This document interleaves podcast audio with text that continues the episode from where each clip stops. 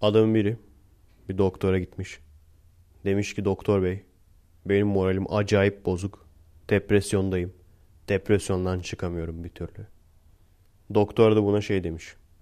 Benim tanıdığım demiş. Çok ünlü bir palyaço var. Adı Büyük Palyaçi. Onun gösterisine gidersen eğer adam o kadar komik ki seni depresyondan çıkarır. Derdin tasan ne varsa unutturur demiş. Adam doktora ne dese beğenirsiniz. Lan diplomasına sıçtığım. Depresyona giren adama sen palyaço mu tavsiye ediyorsun? Bağırsak düğümlenmesi olan adama operaya git falan mı diyeceksin? Ha demiş bu arada benim bir de basurum var. Bir demiş sızı şuradan giriyor şöyle dolaşıyor.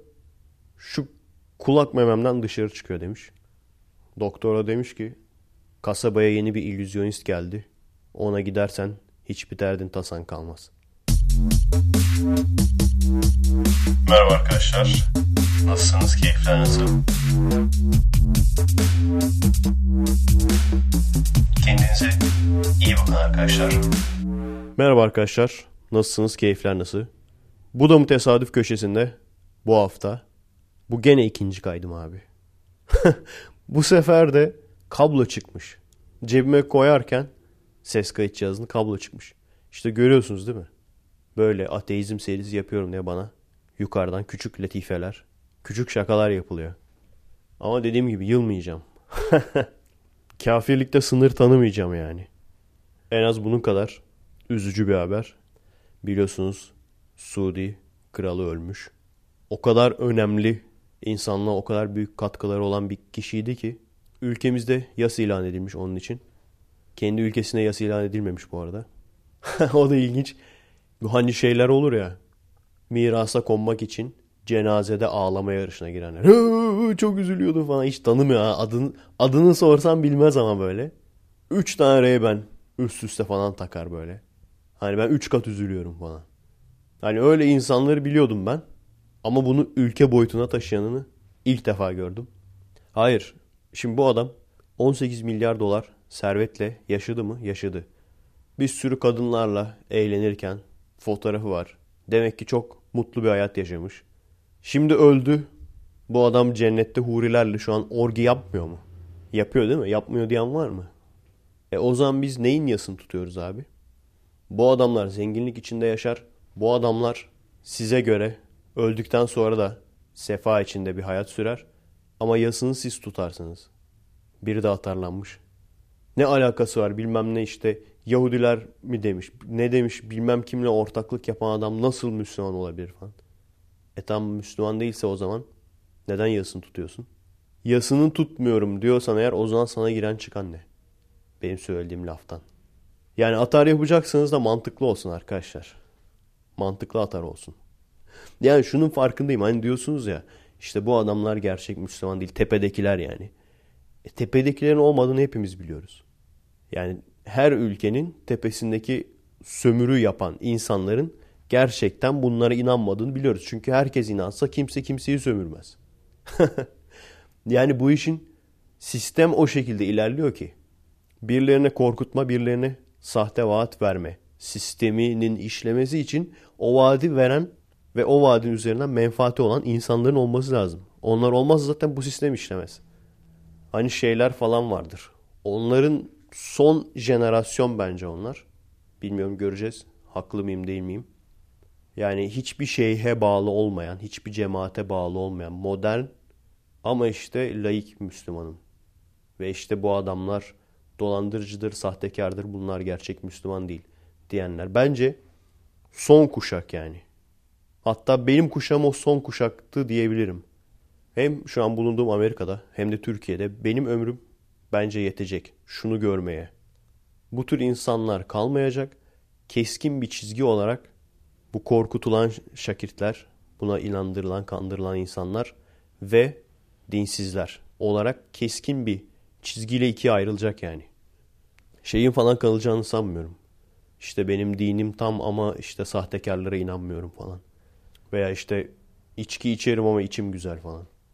Bakalım dediğim gibi göreceğiz. Ben de merak ediyorum. Ömrüm yeteceğini tahmin ediyorum ama bunu görmeye. Bu arada benim yıkıldığım bir haberi söyleyeyim size. Mehmet Öz'ü biliyorsunuz. Sosyetenin doktoru. Öyledir yani. Şeyi, sıfatı. Adam bildiğin hani ben şeyi zaten diyordum hani biraz adam şovmenliğe kaçıyor falan böyle opraya çıkıyor falan filan. Adam bildiğin ağır şarlatanmış yani. Adamı direkt James Randi ödülü mü var? James Randi ödüllerinden şarlatanlık ödülü falan takdim etmişler. Böyle Reiki'nin iyileştirici gücünü reklamını yapması. Homeopatinin reklamını yapması bu gerçektir falan diye. Bunların hepsi iftira bile olsa adama şeyden dava açılmış yani. Bu mucize yeşil kahve çekirdekleri zayıflamanızı sağlıyor falan. Hiçbir zayıflayıcı özelliğinin olmadığı bulunmuş. Adam bildiğin şarlamış yani. Ben de şey diyordum ya işte güzel iyi doktor ama Oprah'ya falan çıkıyor arada. Çok şovmen ya falan. Meğer adam boşuna çıkmıyormuş yani. Oprah'yı da bilirsiniz. O da Secret'ı falan böyle tanıtımını yapan birisidir. Bizde de onun çakmaları vardır. Kadın programlarının bazılarının sunucuları. Aynı kafa. Bu insanların olayı nedir? Halktan biriymiş gibi gözükürler. Daha doğrusu o şekilde tanıtılırlar halka. İşte biraz halk ağzıyla konuşur falan. Gerçekten de şeydir yani hani halkın içinden gelmiş birisidir. Onlarla konuşmasını falan bilir. O şekilde tanıtılır, müthiş ünlü olur ve ondan sonra da ne kadar dolandırıcı, şarlatan ürünler varsa buna tanıttırtırlar ve çok ciddi paralar verirler. Ve bu şekilde bunlar inanılmaz zengin olur. Şeyi hatırlıyorum ya. Ulan gene Reaper'lar geldi. Bu da mı tesadüf ya? Sesi duydunuz mu? Bak dışarıdan Reaper'lar bastı. Geçen kayıtta gene konuşuyordum gene Reaper'lar bastı. Hayra alametmiş ama. Çünkü kapattım ondan sonra bakınca Reaper'lar işte onlar benim yanım. Bunlar şeytan ya. onlar benim yanımda. Hani uyarıyorlar bak diyorlar gene senin kayıt bozuk çıkacak. Neyse şunlar susana kadar ben biraz bir ara vereyim bakayım susacaklar mı? Bir de kayıda bakayım bu sefer olmuş mu? Evet zorunlu olarak oda değiştirdim. Reaper'sız olaya geldim. Ama burası da direkt cam mekandan çocuklar görebiliyor umarım şey demezler. O işte o tüylü bir şeye konuşuyor falan ne acaba o falan. Şöyle arkam dönük konuşayım da fazla dikkatimi dağıtmasınlar. Çünkü vakit kalmayacak. Biliyorsunuz her gün 20 dakika montaj yapıyorum. 20 dakika çıkartamayacağım anasını satayım. O kadar başıma bir sürü sorun geldi bu sefer. Ama yılmayacağım abi. Yılmadan kafirliklerime devam edeceğim.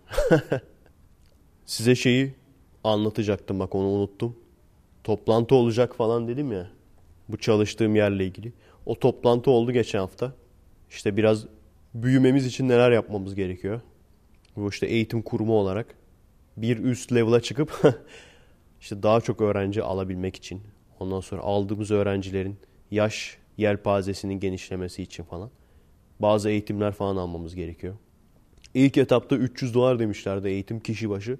Oha dedim biz çalışıp para vermeye mi geliyoruz, para almaya mı geliyoruz? Şimdi baktım 110 dolar diyor. Umarım öyledir. Yoksa başka türlü olmayacak. Bu arada Patreon gene hayatımı kurtardı. Bir ara şey demiştim ya Eylül'de miydi o? Ekim'de miydi? Tam böyle ucu ucuna denk gelecek falan.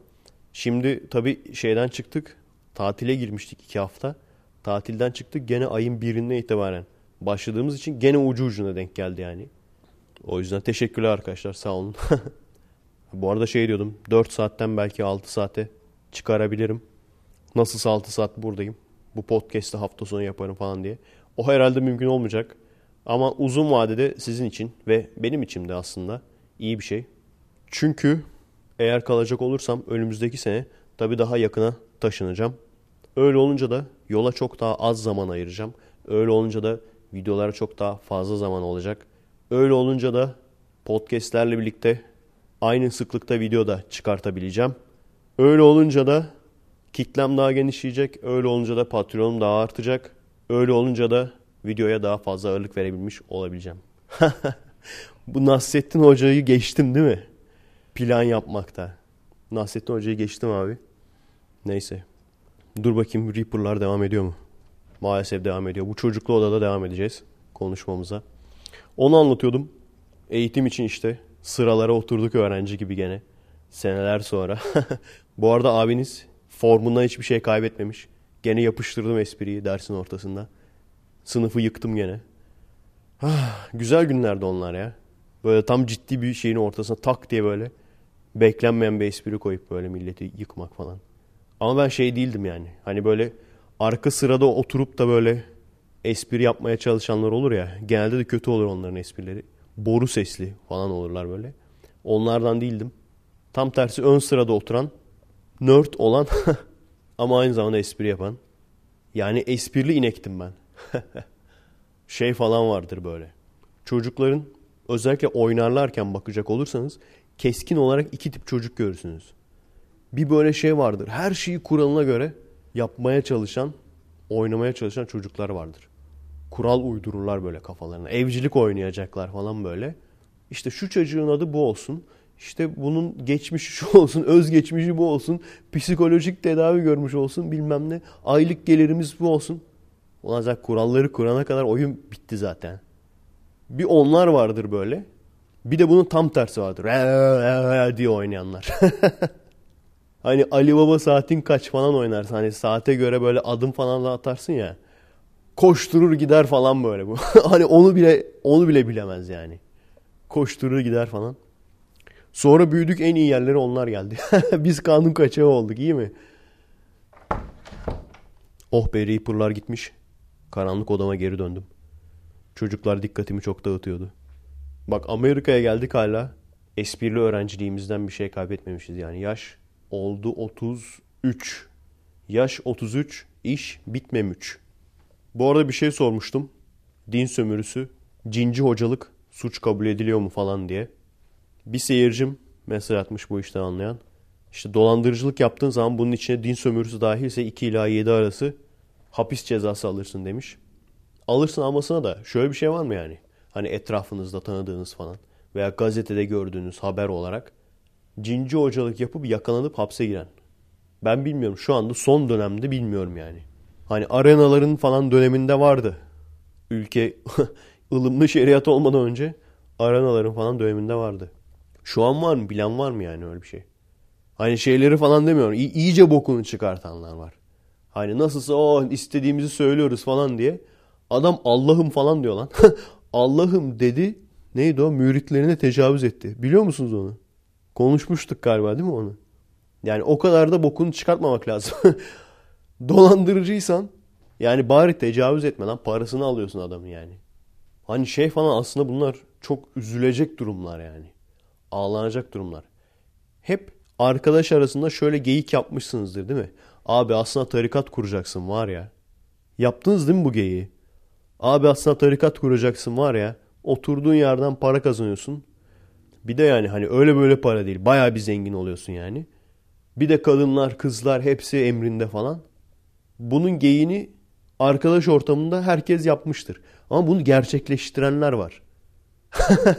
adam adam yani biz hayal ettik adam gerçekleştirmiş bunu yani. Ve hiç kimse de bir şey diyemiyor.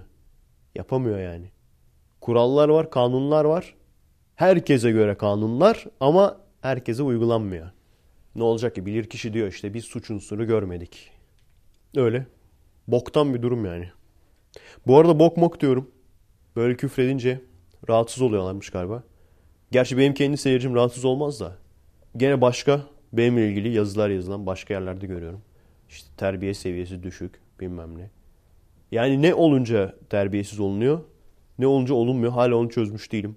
Sırrı Süreyya gidiyor ana bacı yapıyor millete. Adamı diyorlar ki o halkın adamı bak ne güzel küfür etti falan. İşte dobra konuştu falan. Öteki bir tane dışkıcı reis var. Kıza şey falan diyor sike sike gelirim falan diyor. Diyorlar ki o ne kadar dobra konuştu falan. Hemen Ayşe Arman falan röportajı çıkartıyor. Ulan beni, beni de çıkar. Ben de küfrediyorum. yani bir de şöyleleri var. Onu da gördük yani. Adam o kadar deniyor ki. Mesela bir adam görmüştüm. Adamı diyorlar işte çocuklar yani başka çocuklar. İşte diyor çocuğum bize küfrediyor falan diyor. Adam da diyor ki küfredecek tabii erkek değil mi falan. Hani bu hıyarlık. Küfür övünülecek bir şey değildir. Bence herkesin kendi tanımı var tabii küfür için. İlginç bir şey ama bence. İlginç bir olay yani küfür etmek. Bence bana kalırsa öfkenin hani bağırarak dışarıya atıyorsunuz ya öfkenizi bazen. Küfür edince yani sizin toplumunuzda böyle ayıp karşılanan, yasak karşılanan şeyleri söyleyerek bağırdığınız zaman o yoğunlaşıyor. Benim için öyle en azından. Yoksa yani laptopun anası olmadığını ben de farkındayım. laptopun anasının bacısının olmadığını ben de farkındayım yani. Veya şu kilitlenen cep telefonunun ikide bir anasının bacısının olmadığını ben de farkındayım yani. Hani o söylediklerim hadi gel yap falan dese yapamam yani. Hani nasıl yapacağımı bulamam. evet.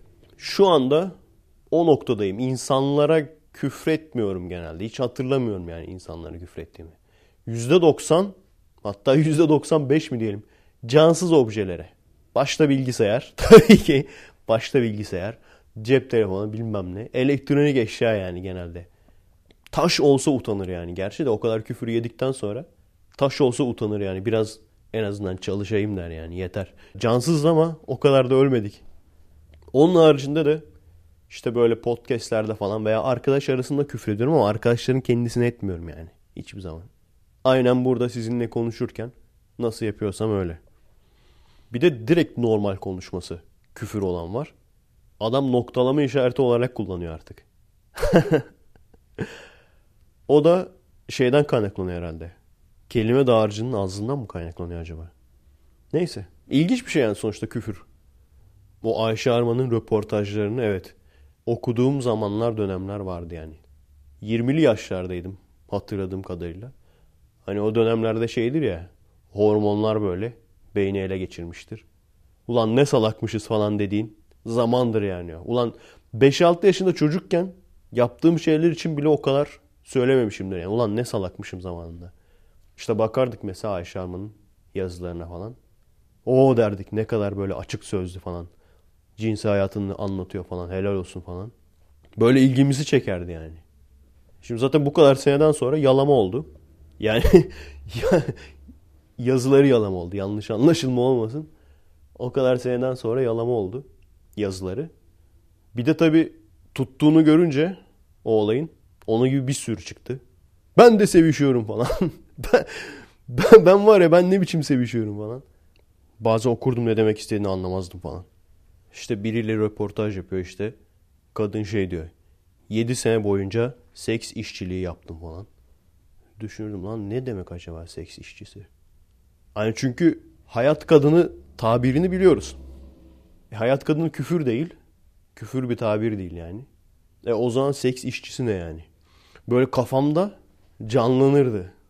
Böyle işte madene gitmiş falan. Elinde kazma. Kafasında o işte kaskı falan var. Baret var. Ama şey üzerinde böyle deri. Strapon takmış falan böyle. Kamçıyla falan. O şekilde yapıyor yani. Seks işçisi. Şahin K abiye de seks mühendisi diyelim o zaman. Ben söyleyeyim ona. Abi diyeyim sen. Açıklama kısmını öyle yaz. Meslek. Kusura bakmayın gene çocuklar geldi gitti. Arada böyle zorunlu aralar veriyoruz. Ama bu o kadar. Hani çocuklar geliyor gidiyor falan.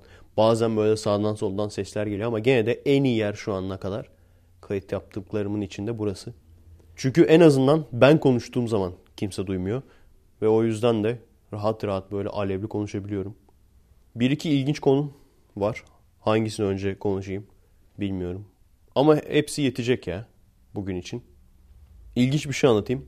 Halil Sezai'yi biliyor musunuz? Hatırlıyor musunuz? Bir Halil Sezai vardı. ne oldu ki şu anda o? Birçoğunuz soyadını bilmez. Bak ben bilirim. Halil Sezai Paracıkoğlu. Şeye terfi etti mi o? Hani ünlüler bir noktadan sonra artık herhangi bir şey üretmemeye başlayınca şey olur. Beyaz Okan ünlüsü olur. Beyaz Okan ünlüsü oldu mu o da? İşte genelde ünlü eskileriyle ünlü diye diye ünlü yapılmaya çalışan işte Fox TV dizisinin yan oyuncusu falan genelde onlar çıkar. Neyse ilginç bir şey anlatayım. Şu an nerede bilmiyorum, ne yapıyor bilmiyorum. Hala ünlü mü, ünsüz bilmiyorum. Eski podcast serisinde galiba anlatmıştım bunu. Yenisinde anlatmadım. Filmcilerle böyle İzmir'deki filmciler falan bakarken yaptıkları çalışmalara falan bir tane böyle oyuncu görmüştüm. Boş Ev diye bir film vardı. Girip bakabilirsiniz. Büyük ihtimalle Boş Ev, Halil Sezai falan yazarsanız çıkar. Yönetmenini bile unuttum yani bak. Aslında onunla da bir mesajlaşmışlığımız vardır o filmin yönetmeniyle. Orada iki tane oyuncu vardı. İki oyuncuyla kısa film çekilmiş. Onu da şeyden bulmuştum. Bunlarda film.com diye saçma sapan bir site vardı. Ama o sitenin güzel bir faydası vardı. Birçok Türk kısa filmini orada gördüm. Çünkü birçok insan yüklemiyor internete. Bunlar nereden buluyor bilmiyorum. Yüklüyorlardı yani. Bulup yüklüyorlardı. Orada iki tane oyuncu vardı işte. Bir tanesi Halil Sezai. Orta yaşlı adam rolünde. Bir tane daha genç. O da benim yaşlarımda. O da Ozan Akbaba'ydı galiba. O arkadaşla da konuştum mesela. Daha sonra onun kendi yönettiği daha böyle prodüksiyonlu kısa filmleri oldu. Sonra o arkadaş Star dizisinde başrol oynadı. Daha sonra Kuzey Güney'de Kıvanç Tatlıtuğ'dan dayak yiyen kötü adam rolünde oynadı falan. Her neyse diğer adamın özelliği yani Halil Sezai'nin özelliği bayağı adam yaşlı yaşını başına almış bir tipi vardı yani orada. Pos bıyık vardı böyle. Ondan sonra saçların yarısı dökülmüş falan. Dökülmeyen kısmını uzun bırakmış, taramaya çalışmış falan. Adamın oyunculuğunu gördüm. Gerçekten dikkatimi çekmişti. İlk defa gördüğüm halde yani. Vay dedim bu adam İzmir'deyse eğer ünlü münlü olur bu kesin dedim. Oyunculuğuyla. Ünlü olmadan ben şunu yakalayayım falan. Hay ananın... Bak gördünüz mü küfrettim gene. Reaper'lara küfrettim. Biliyorum Reaper'ların anası bacısı yok. Ben gene çocuk odasına gidiyorum. Adam bayağı iyi bir oyunculuğu vardı. Sonra adam oyunculukla değil müzisyenlikle ünlü oldu. O da ilginç bir olaydır. Bugün konuşacağım son konu. Aslında Türkiye'nin önemli olaylarından birisi. Haberleri çıktım bilmiyorum. Balıkesir'in çılgın eşeklerini geçmişler.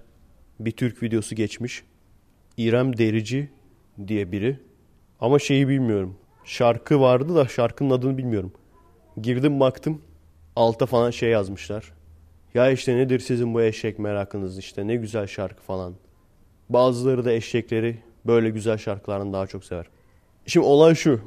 Duyarsız olan aslında biz değiliz. Biz yeterince sene yaşamış olduğumuz için kadın erkek ilişkilerinin aslında romantik ergen şarkısı değil, Balıkesir'in çılgın eşekleri olduğunu biliyoruz. Bunu görecek kadar yaşadık. Popüler olmasının yani Türkiye nüfusundan çok daha fazla seyredilmiş olmasının sebebi büyük ihtimalle en çok bizim video seyredilsin diye kasmışlar.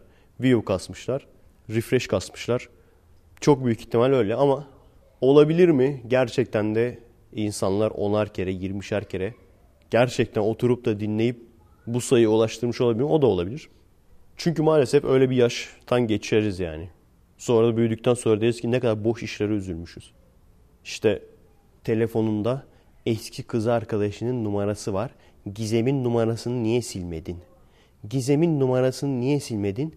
Bilmem ne kavga, gürültü, ayrılalım mı? Ayrılıyorum bak, konuşmayacağım. Ondan sonra depresyona girer böyle. Sonra gider İrem Derici seyreder. Sonra ne oluyor? Sonra şu oluyor. Belli bir yıldan sonra. Hayatın gerçek sorunlarıyla, hayatın gerçek kavgasıyla, gerçek sıkıntılarla karşılaşıyorsun. Ve yoktan sorun yaratmanın, yoktan sıkıntı yaratmanın ne kadar geri zekalıca bir şey olduğunu fark ediyorsun. O yüzden Balıkesir'in çılgın eşekleri bu tür şarkılar dinleyen ergenlerden çok daha samimidir. İşte sevgilin sana öküz gibi mi davrandı? Arabalı diye veya okulun piçi diye bir erkekle takıldın. Ondan sonra tesadüfe bak ki o adamda ayı çıktı. Allah Allah. Sana öküz gibi davrandı veya öküz gibi davranmadı. Sen yoktan bir sıkıntı yarattın. Bilmem kimi niye silmedin. Bilmem kiminle niye hala konuşuyorsun. Sonra kavga ettiniz, sonra depresyona girdin, sonra bu tür şarkıları dinliyorsun. O yüzden hani şey falan diyorsun, ya ne kadar çocuksunuz ya biraz olgun olun falan. Hayır abicim. Olgun olmuş halim benim bu. 10 sene sonra, 15 sene sonra sen de göreceksin ki aslında her şey Balıkesir'in çılgın eşekleriymiş.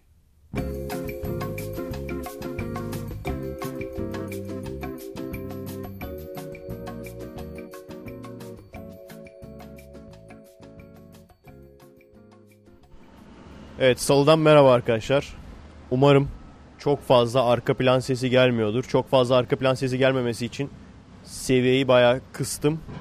Ve mümkün olduğu kadar mikrofonu kendime yakın tutup gür konuşmaya çalışıyorum. Gizli efekt esti çektiğim yeri hatırlıyor musunuz? Çalıştığım yerin önünde trafiğin orada çektim falan diyordum. Şimdi gene aynı yerdeyim. Çünkü bu hafta boyunca çocuklar hep erken gelecekmiş. O yüzden de sessiz bir ortam bulma şansım yok. o yüzden böyle sığıntılar gibi dışarıya da fazla çıkamıyorum. Hafiften yağmur çiseliyor. Saçak altında trafiğe bakarak podcast'ime devam ediyorum. Bu da böyle bir maceralı podcast olsun ne yapalım. Yani sadece çocukların gürültüsünden değil aynı zamanda ben konuştuğum zaman da millet duyacağı için merak edip bakacaklar falan ne diyor bu falan diye. Bir de gerçekten o kadar çok çocuk var ki hepsine uzak olacağın bir oda yok yani. Evet biliyorsunuz gündemde olan her olayla ilgili konuşmuyorum. Bazılarını kaçırıyorum.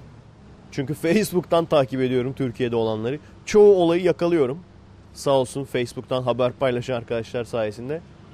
Bazılarını yakaladığım halde üzerinden geçmiyorum. Mesela Burger King protestosu herhalde konuşacak bunun üzerine bir şey yok. Trafik yetmiyormuş gibi şimdi bir de inşaat da var ön tarafta. Temel açma çalışmaları. Burger King protestosu her zamanki gibi devrimci kardeşlerimizin akıl dolu eylemlerinden bir tanesi. Biliyorsunuz Starbucks'ın alakasız şubelerini taşlamak, kapitalizmi yeneceğiz diye ATM'leri tekmelemek, Kobani ismini koydukları Ayn El Arab şehrinde olanları protesto etmek için Türkiye'deki otobüsleri ateşe vermek gibi akıl dolu protestoları var kendilerinin biliyorsunuz. Bu da o akıl dolu protestolardan bir tanesi. Buradan Mao Zedong yoldaşıma bin selam olsun. Bazı cimri devrimciler var görüyorum. 500 selam yolluyorlar. Bin yollayacaklarına. İpneliğin lüzumu yok. Selamı şimdi bol koy selamdan. Elini korkak alıştırma yani. Selamı şimdi bol koy. Devrim gelecek yerden selam esirgenmez. What? Are you available to come to Florida just for five minutes? What? Are you available? Are you available to come uh, to Miss Florida's class just for five minutes? Okey. 5 dakika gidiyorum.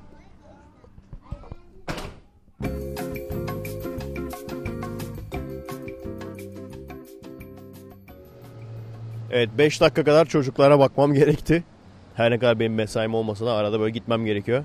Başka sınıflara ihtiyaç olduğu zaman hocaların bir yere gitmesi gerektiği zaman falan. Her neyse geri geldim. En azından yağmur biraz azaldı. Biraz daha gezme şansım oldu. Acaba şuraya girsem ne olur merak ediyorum. Trafikten biraz uzaklaşmış olurum. Girelim bakalım ne çıkacak.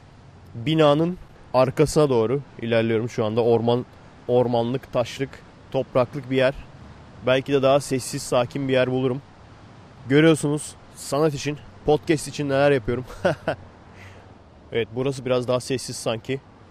Geçen podcast'te yaptığım cin olayına takılmış bazı arkadaşlar. Her zamanki gibi işte Efe Aydal kendinle çelişiyorsun. Hayır söylediğiniz olay kendimle çelişmek değil.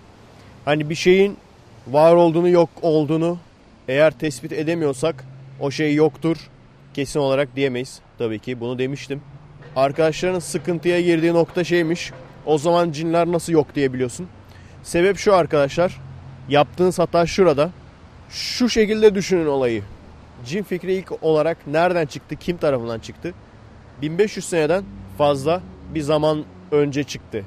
Zamanında Sara nöbetlerini ve açıklayamadıkları başka hastalıkları bizde içine cin girdi şeklinde açıkladılar. Başka yerlerde işte egzorsist, şeytan, aynı muhabbet onlarda vardır. Biz içine cin kaçırırız onlar şeytan ele geçirdi derler. Bunun haricinde şu anda bununla ilgili herhangi bir kanıt var mı? Yani bak birisi ağzıyla söylüyor bunu. Bu bir insanın ağzıyla söylediğinin üzerine var olduğunun hiçbir kanıtı yok. O zaman tabii iki tane seçenek var ortada. Birinci seçenek gerçekten cin diye bir şey var.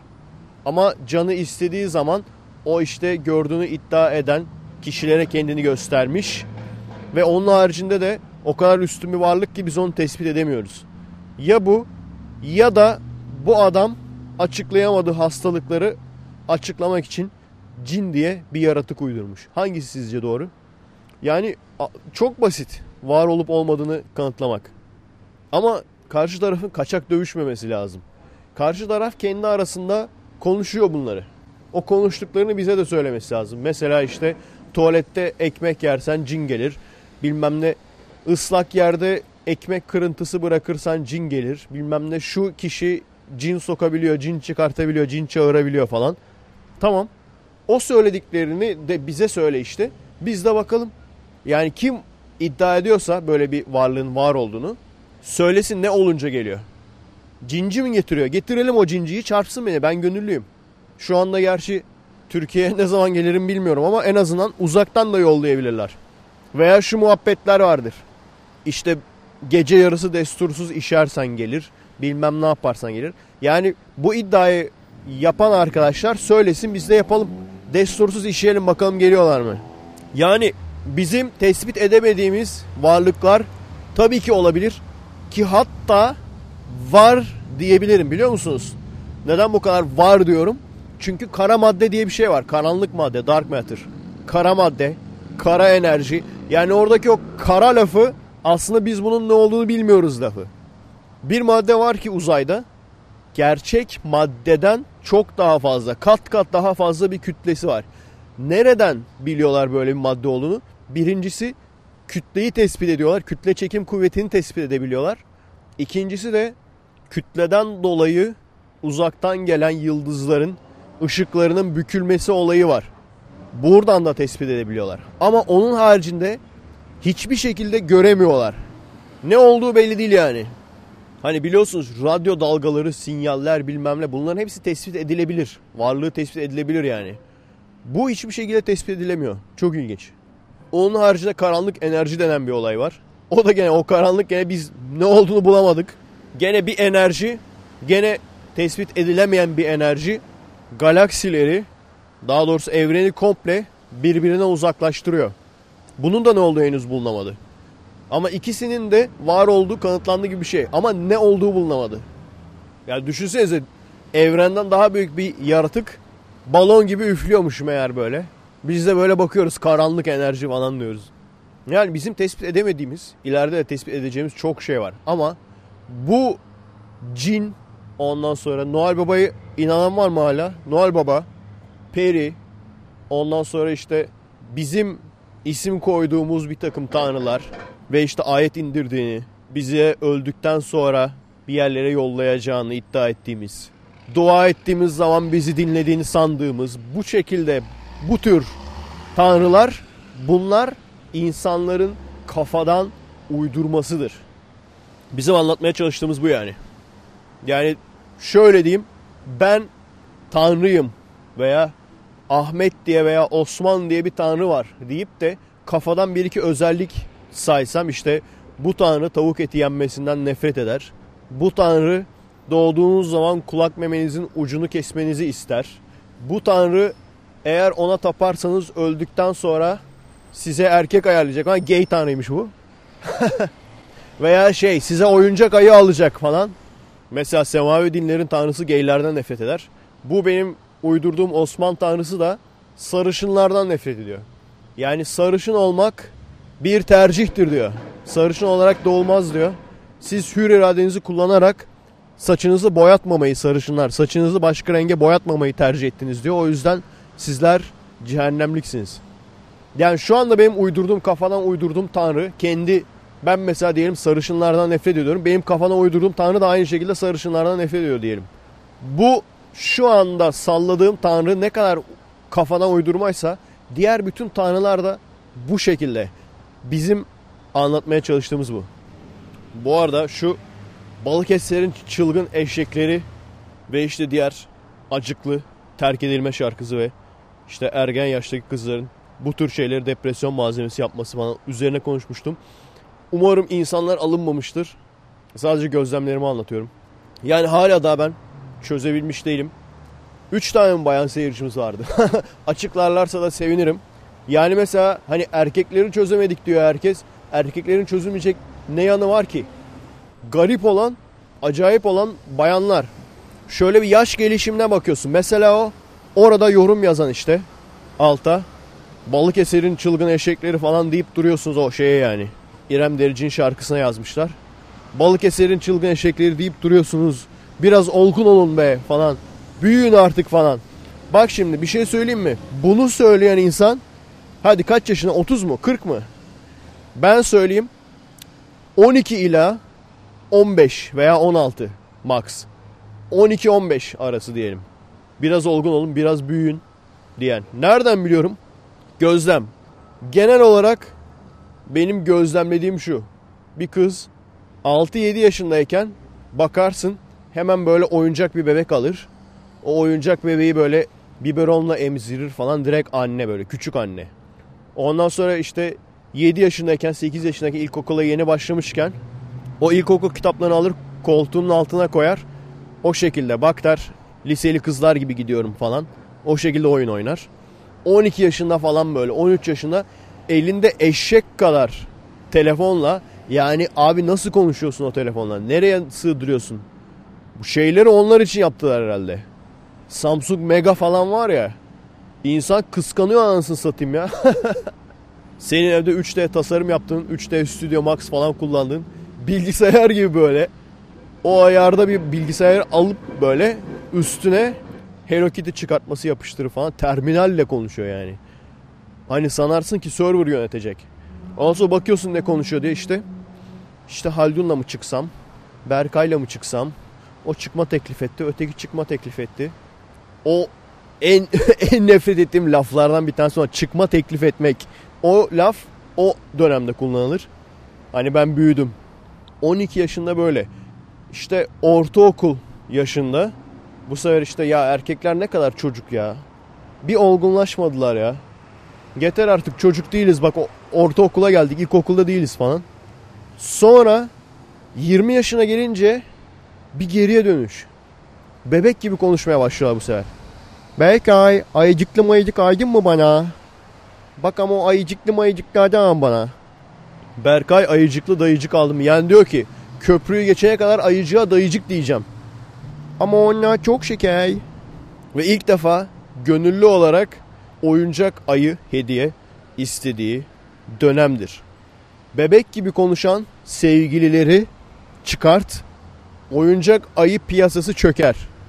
Kaç tane çocuk siz gördünüz ki oyuncak ayı isteyen? Anca böyle küçük bebeğe hani onun iradesi olmadan alırsın. Onun haricinde oyuncak ayı çocuk oyuncağı değil sevgili oyuncağıdır. Bak ne oldu? 6 yaşında anne 12 yaşında çıkma teklif etme bilmem ne. En büyük telefonlar çünkü o en büyük telefon hani Pınar'da var çünkü. Pınar'da olur da bende nasıl olmaz o yaşlar. Pınar'daki telefonun aynısı olmalı.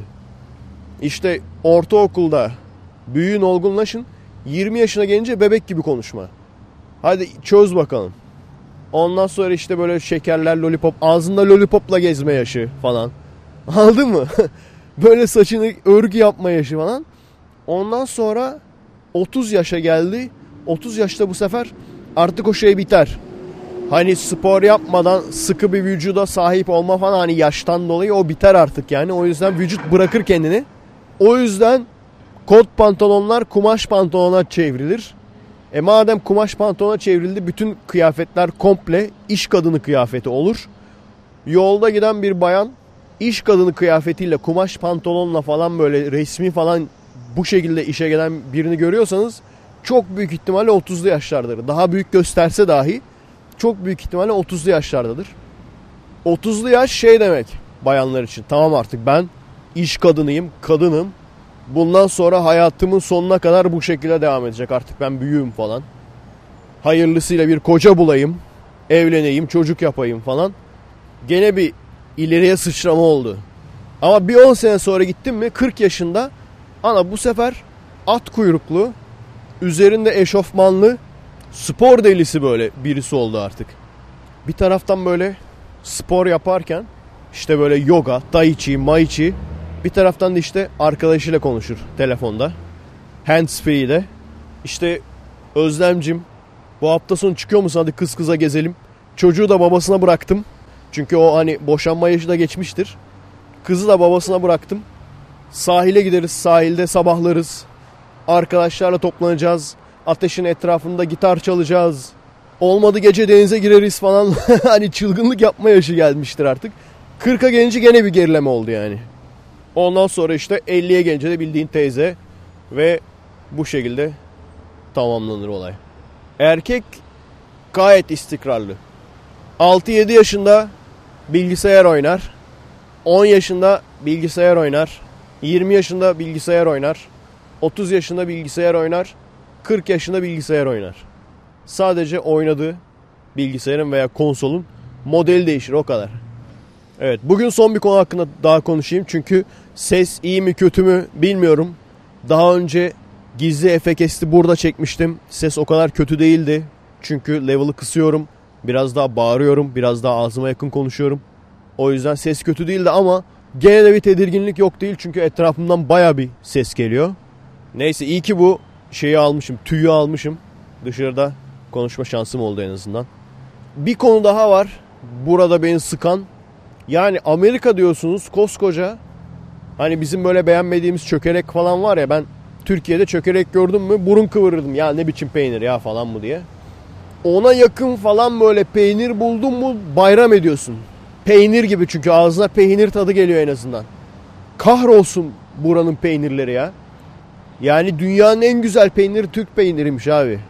Satıyorlar işte İsviçre peyniri, Meksika peyniri, Hint.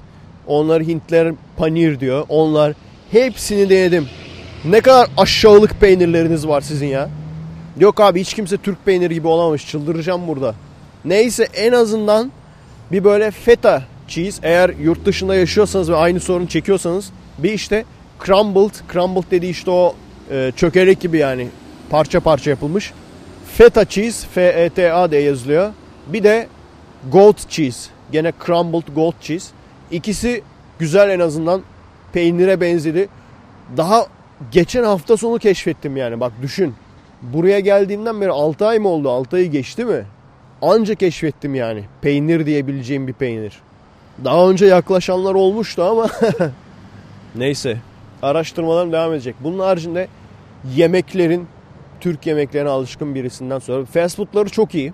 Arby's'e gittim mesela. Arby's inanılmaz üstün yani Türkiye'deki Arby's'e göre. Çok çok iyi yani. Ama fast food haricinde insan gibi yemek yemeye çalışıyorsun. O kadar aşağılık ki yemekleri. Yani nimete nimete küfür olmaz. Buraya gelen o yeminini bozar yani. Ben şeyi hatırlıyorum çocukken hani ev yemeklerinden nefret ederdik. Arada şöyle bir önemli bir olay olsa da hamburger yesek falan derdik. Şimdi tam tersi anasını satayım. Yok. Yemek için malzeme alacaksın bazılarını bulabiliyorsun.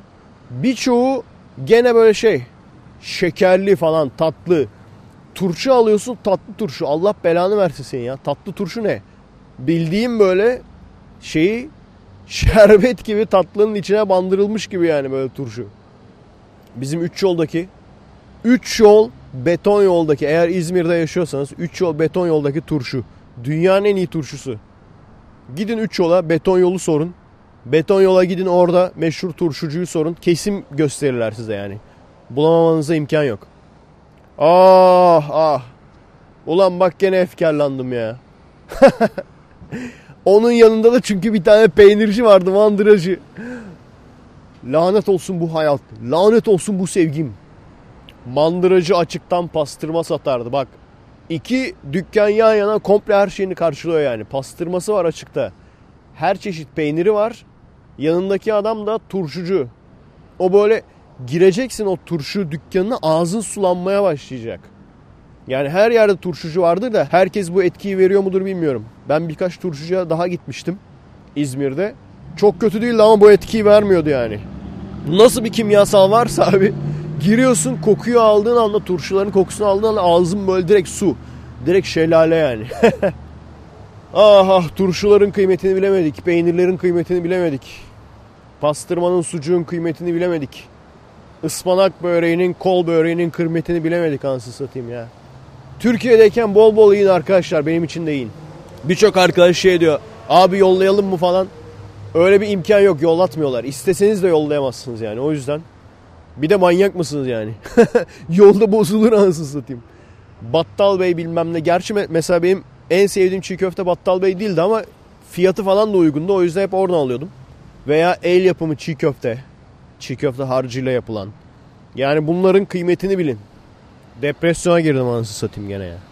Yapmıyorum lan podcast. evet bugünkü konular zaten e, bu kadardı arkadaşlar. Dediğim gibi çok bugün uzun tutmak istemiyorum. Ses iyi mi kötü mü bilmiyorum çünkü. Eğer fena değilse yarın da gene buradan devam ederiz. Çünkü gene çocuklar erken gelecekmiş. Hadi bakalım bize kolay gelsin.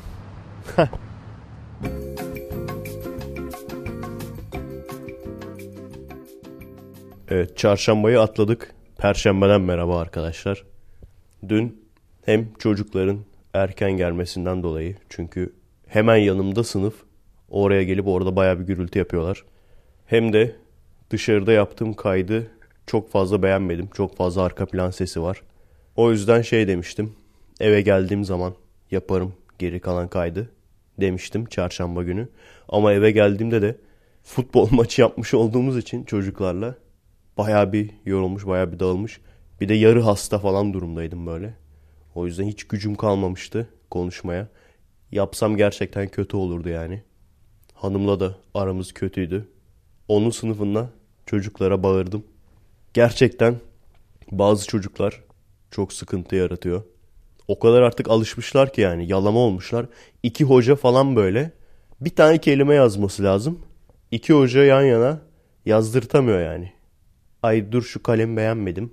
Ay işte şu kokulu silgiyi alayım. Bilmem bilmem ne. En sona bir sinirlendim. Tuttum çocuk kolunu. Baya bir sıkı tutmuşum yani. Eşimin söylediğine göre. O elinde tuttuğu şeyi aldım falan böyle. Ondan sonra masaya falan bir koydum. bir bağırdım böyle. Yaz şunu falan diye. Ondan sonra çocuk paşa paşa yazdı. Sonra ağlamış falan korkudan. Yani şimdi gülüyoruz tabii. Ama Türkiye'de diyordum. Ben bu ülkede kalmaya devam edersem kesin hapse gireceğim diye. Ve hatırlamıyorsanız şeyden dolayı diyordum. Hani söylediklerimden, konuştuklarımdan falan olmasa bile bir gün bir otobüs şoförünün birine patlayacağım. Veya bir böyle fiyat sorduğun sana atar yapan satıcıya patlayacağım falan. Veya işte bir el kol hareketi yapan çocuğa patlayacağım falan. Ondan sonra işte ateistlerin gerçek yüzü falan. Onu diyordum şimdi buraya geldim. Her şeyden kaçabildim. Ama kendi içimdeki öfkeden kaçamadım.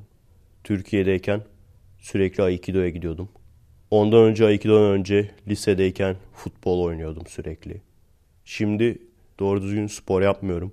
O yüzden arada böyle öfkeleniyorum. Bir de enerji olsun diye kahve üstüne çay bir sürü böyle bir şeyler işte büyük ihtimal onun da etkisi oldu. O olduğu zaman böyle direkt yani varsa bu hani beynin bu duyguların nasıl çalıştığını bilen bu öfke nasıl oluyor yani kimyasal mı basılıyor beyne? Bana bunu açıklayabilir misiniz? Çünkü gerçekten öyle beyne bir şeyler basılıyor hissediyorum ya. Yani beyne öfke sıvısı basılıyor hissediyorum yani bazen. Daha önce de söylemiştim. Yani psikiyatriste veya psikoloğa gitsem kesin ilaç yazar bana. Ama ilaç yazması demek benim sakinleşmem demek. Sakinleşmem demek de normal insan olmam demek. Normal insan olmam demek de bu tür çalışmaları yapamamam demek. Maalesef. Şimdi artık o çocukların olduğu şeye gitmiyorum. O baya belli belli yaşlar var ya. Küçük çocuklar çok iyi. Onlarla da bir de sorumluluğum da yok. Beslemek zorunda falan da değilim. Gidip oynuyorum falan. Bir büyükleri sıkıntı. Özellikle onlardan sorumlu olduğun zaman yani bir şeyler yaptırmak zorundaysan onlara sıkıntı. Ben gene ne olur ne olmaz gitmeyeceğim artık. Neyse en azından dün sonunda maç yaptık. İki sefer iki çarşamba ertelendi. En azından bu çarşamba gittik. Bir maç yaptık. İyice yoğurdum kendimi. Şu an iyiyim yani. Aslında ciddi ciddi şuraya bir kum torbası olsa. Neyse. Biraz daha dayansam günlük spora falan gitmek istiyorum yani. Yoksa bu böyle enerjiyle olmayacak bu iş. Böyle özellikle kum torbasının falan olduğu. bol bol kum torbasını yumruklayabileceğim bir spor salonu. Evet. Gördüğünüz gibi böyle çeşit çeşit sorunlarımız oluyor. Her gün değişik bir şey çıkıyor. Hayatından beziyorsun. Mesela belki iki gün önce yapmış olsam podcast'i baya bir karamsar bir podcast olacaktı. Baya depresif olacaktı.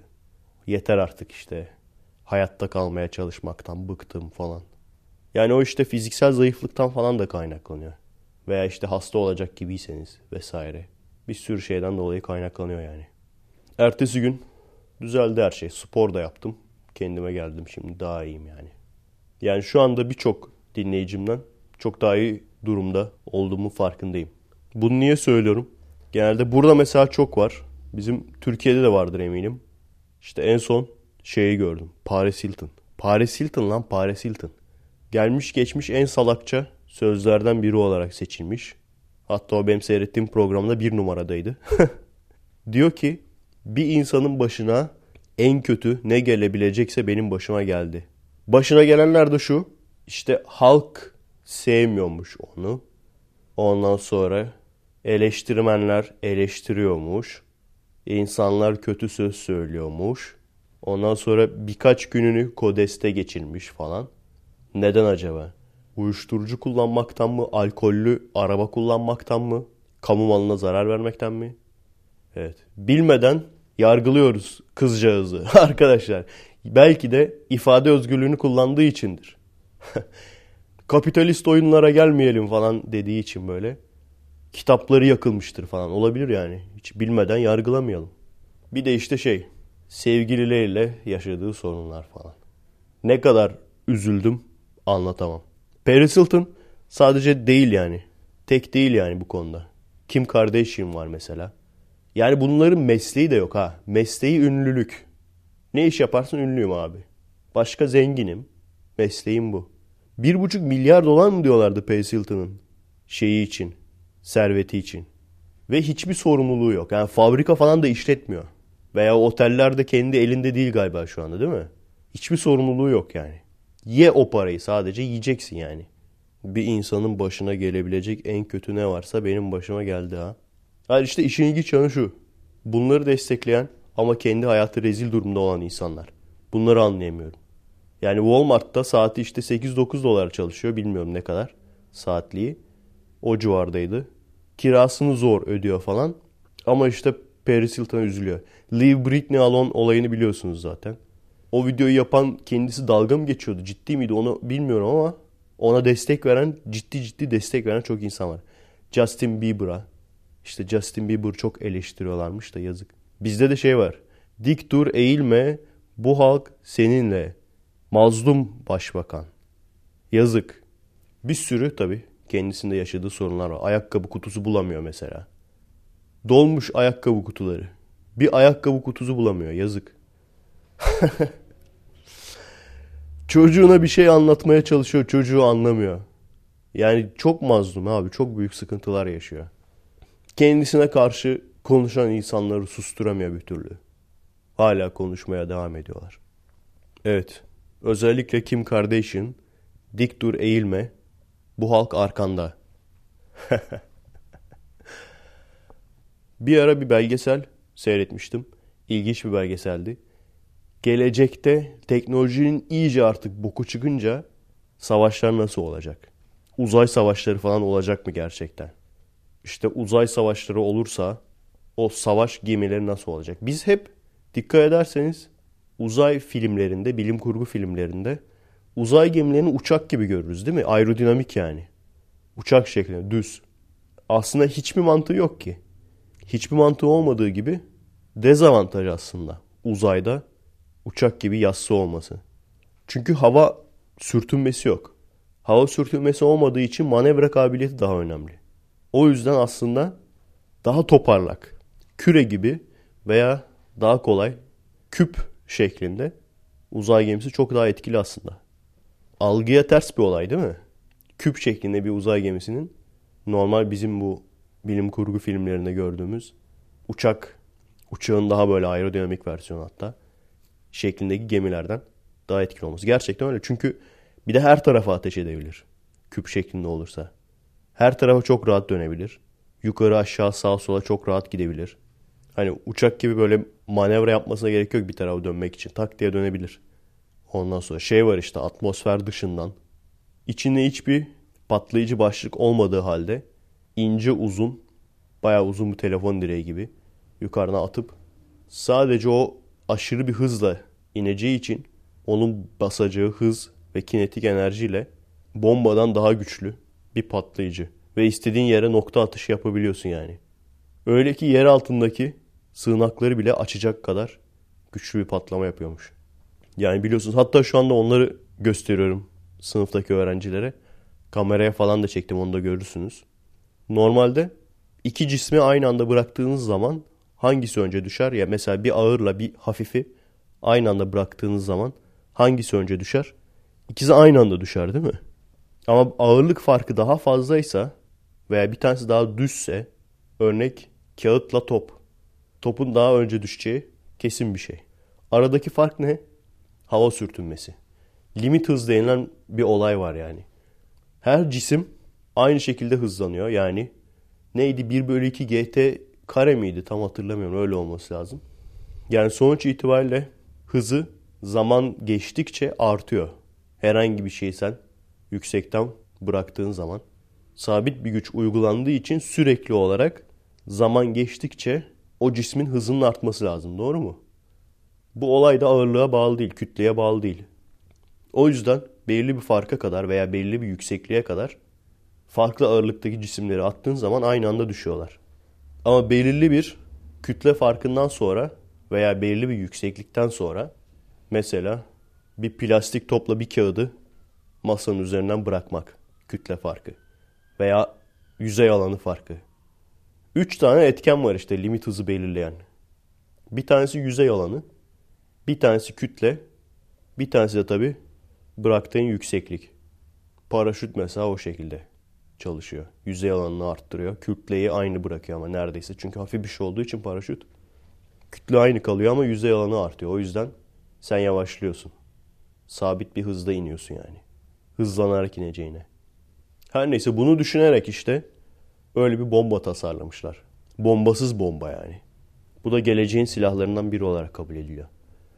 Lazer olabilir mi olamaz mı? Hala tartışma konusu.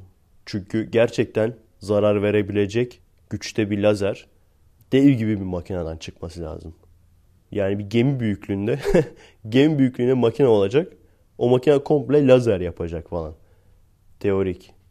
Onun haricinde şu an hani şey vardır ya uzay yolunda falan uzaktan kumandası büyüklüğünde ama işte öldürmeye ayarlı lazer, bayıltmaya ayarlı lazer atar falan. Boyut olarak o şu anda imkanlı değil.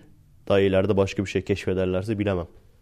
Çok iyi. Şeyde mesela Battlestar Galactica'da o yüzden uzay gemileri falan vardı dikkat edersiniz ama lazer silahları yoktu. Ve hatta sanırım eski versiyonda Battlestar Galactica eski bir dizidir aslında. Eski versiyonunda varmış lazer atıyormuş yani. Onun haricinde plazma silahı denilen olay var. Hatta belki de o Battlestar Galactica'da plazma silahı atıyordu. Eskisinde. Yenisinde direkt makinalı tüfek gibi. makinalı tüfek gibi ateş ediyor. Plazma silahının lazer silahından farkı. Bunlar teorik şeyler tabi. Gerçekten yaptılar mı bilmiyorum. Plazma nedir? Gazın yüklenmiş halidir. Yani güneş işte. Güneşin yüzeyi plazma. Aşırı sıcak gaz topu yani attığı plazma silahlarının. O yüzden dikkat ederseniz lazer silahları oyunlarda hep şeydir. Düz böyle çizgi olarak atar. Plazma silahları da top şeklinde atar. Sebep o yani. Bunun haricinde Gauss Gun'ı bilen var mı? Bilmeyen dövüyorlar. Bazı oyunlarda Railgun diye geçer. Bazı oyunlarda Gauss Gun diye geçer. Gauss elektromanyetizmanın babası diye geçiyor zaten. O sanırım o silah yapılmış gibi bir şeymiş yani. Barut kullanmıyor. Tamamen manyetizma kullanıyor. Bir şeyi fırlatmak için. Ve böyle olunca da aşırı bir hızlı atıyor yani. Aşırı bir güçte atıyor. Öyle olunca da duvarı muvarı parçalayabilecek bir silahınız olabiliyor.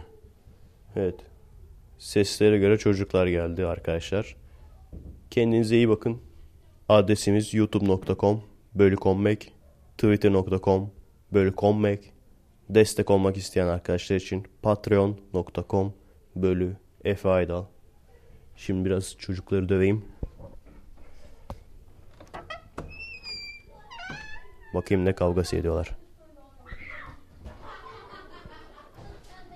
Saldıracağım çocuklara. Hazır mıyız? Saldırıyorum. She got scared when the light lights turned on. You were like, You thought I didn't hear you, right?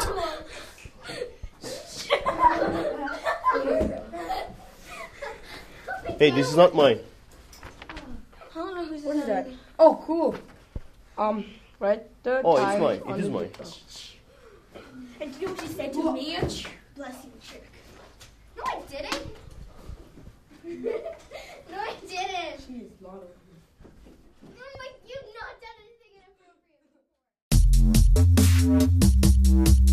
Merhaba arkadaşlar. Nasılsınız? Keyifler nasıl?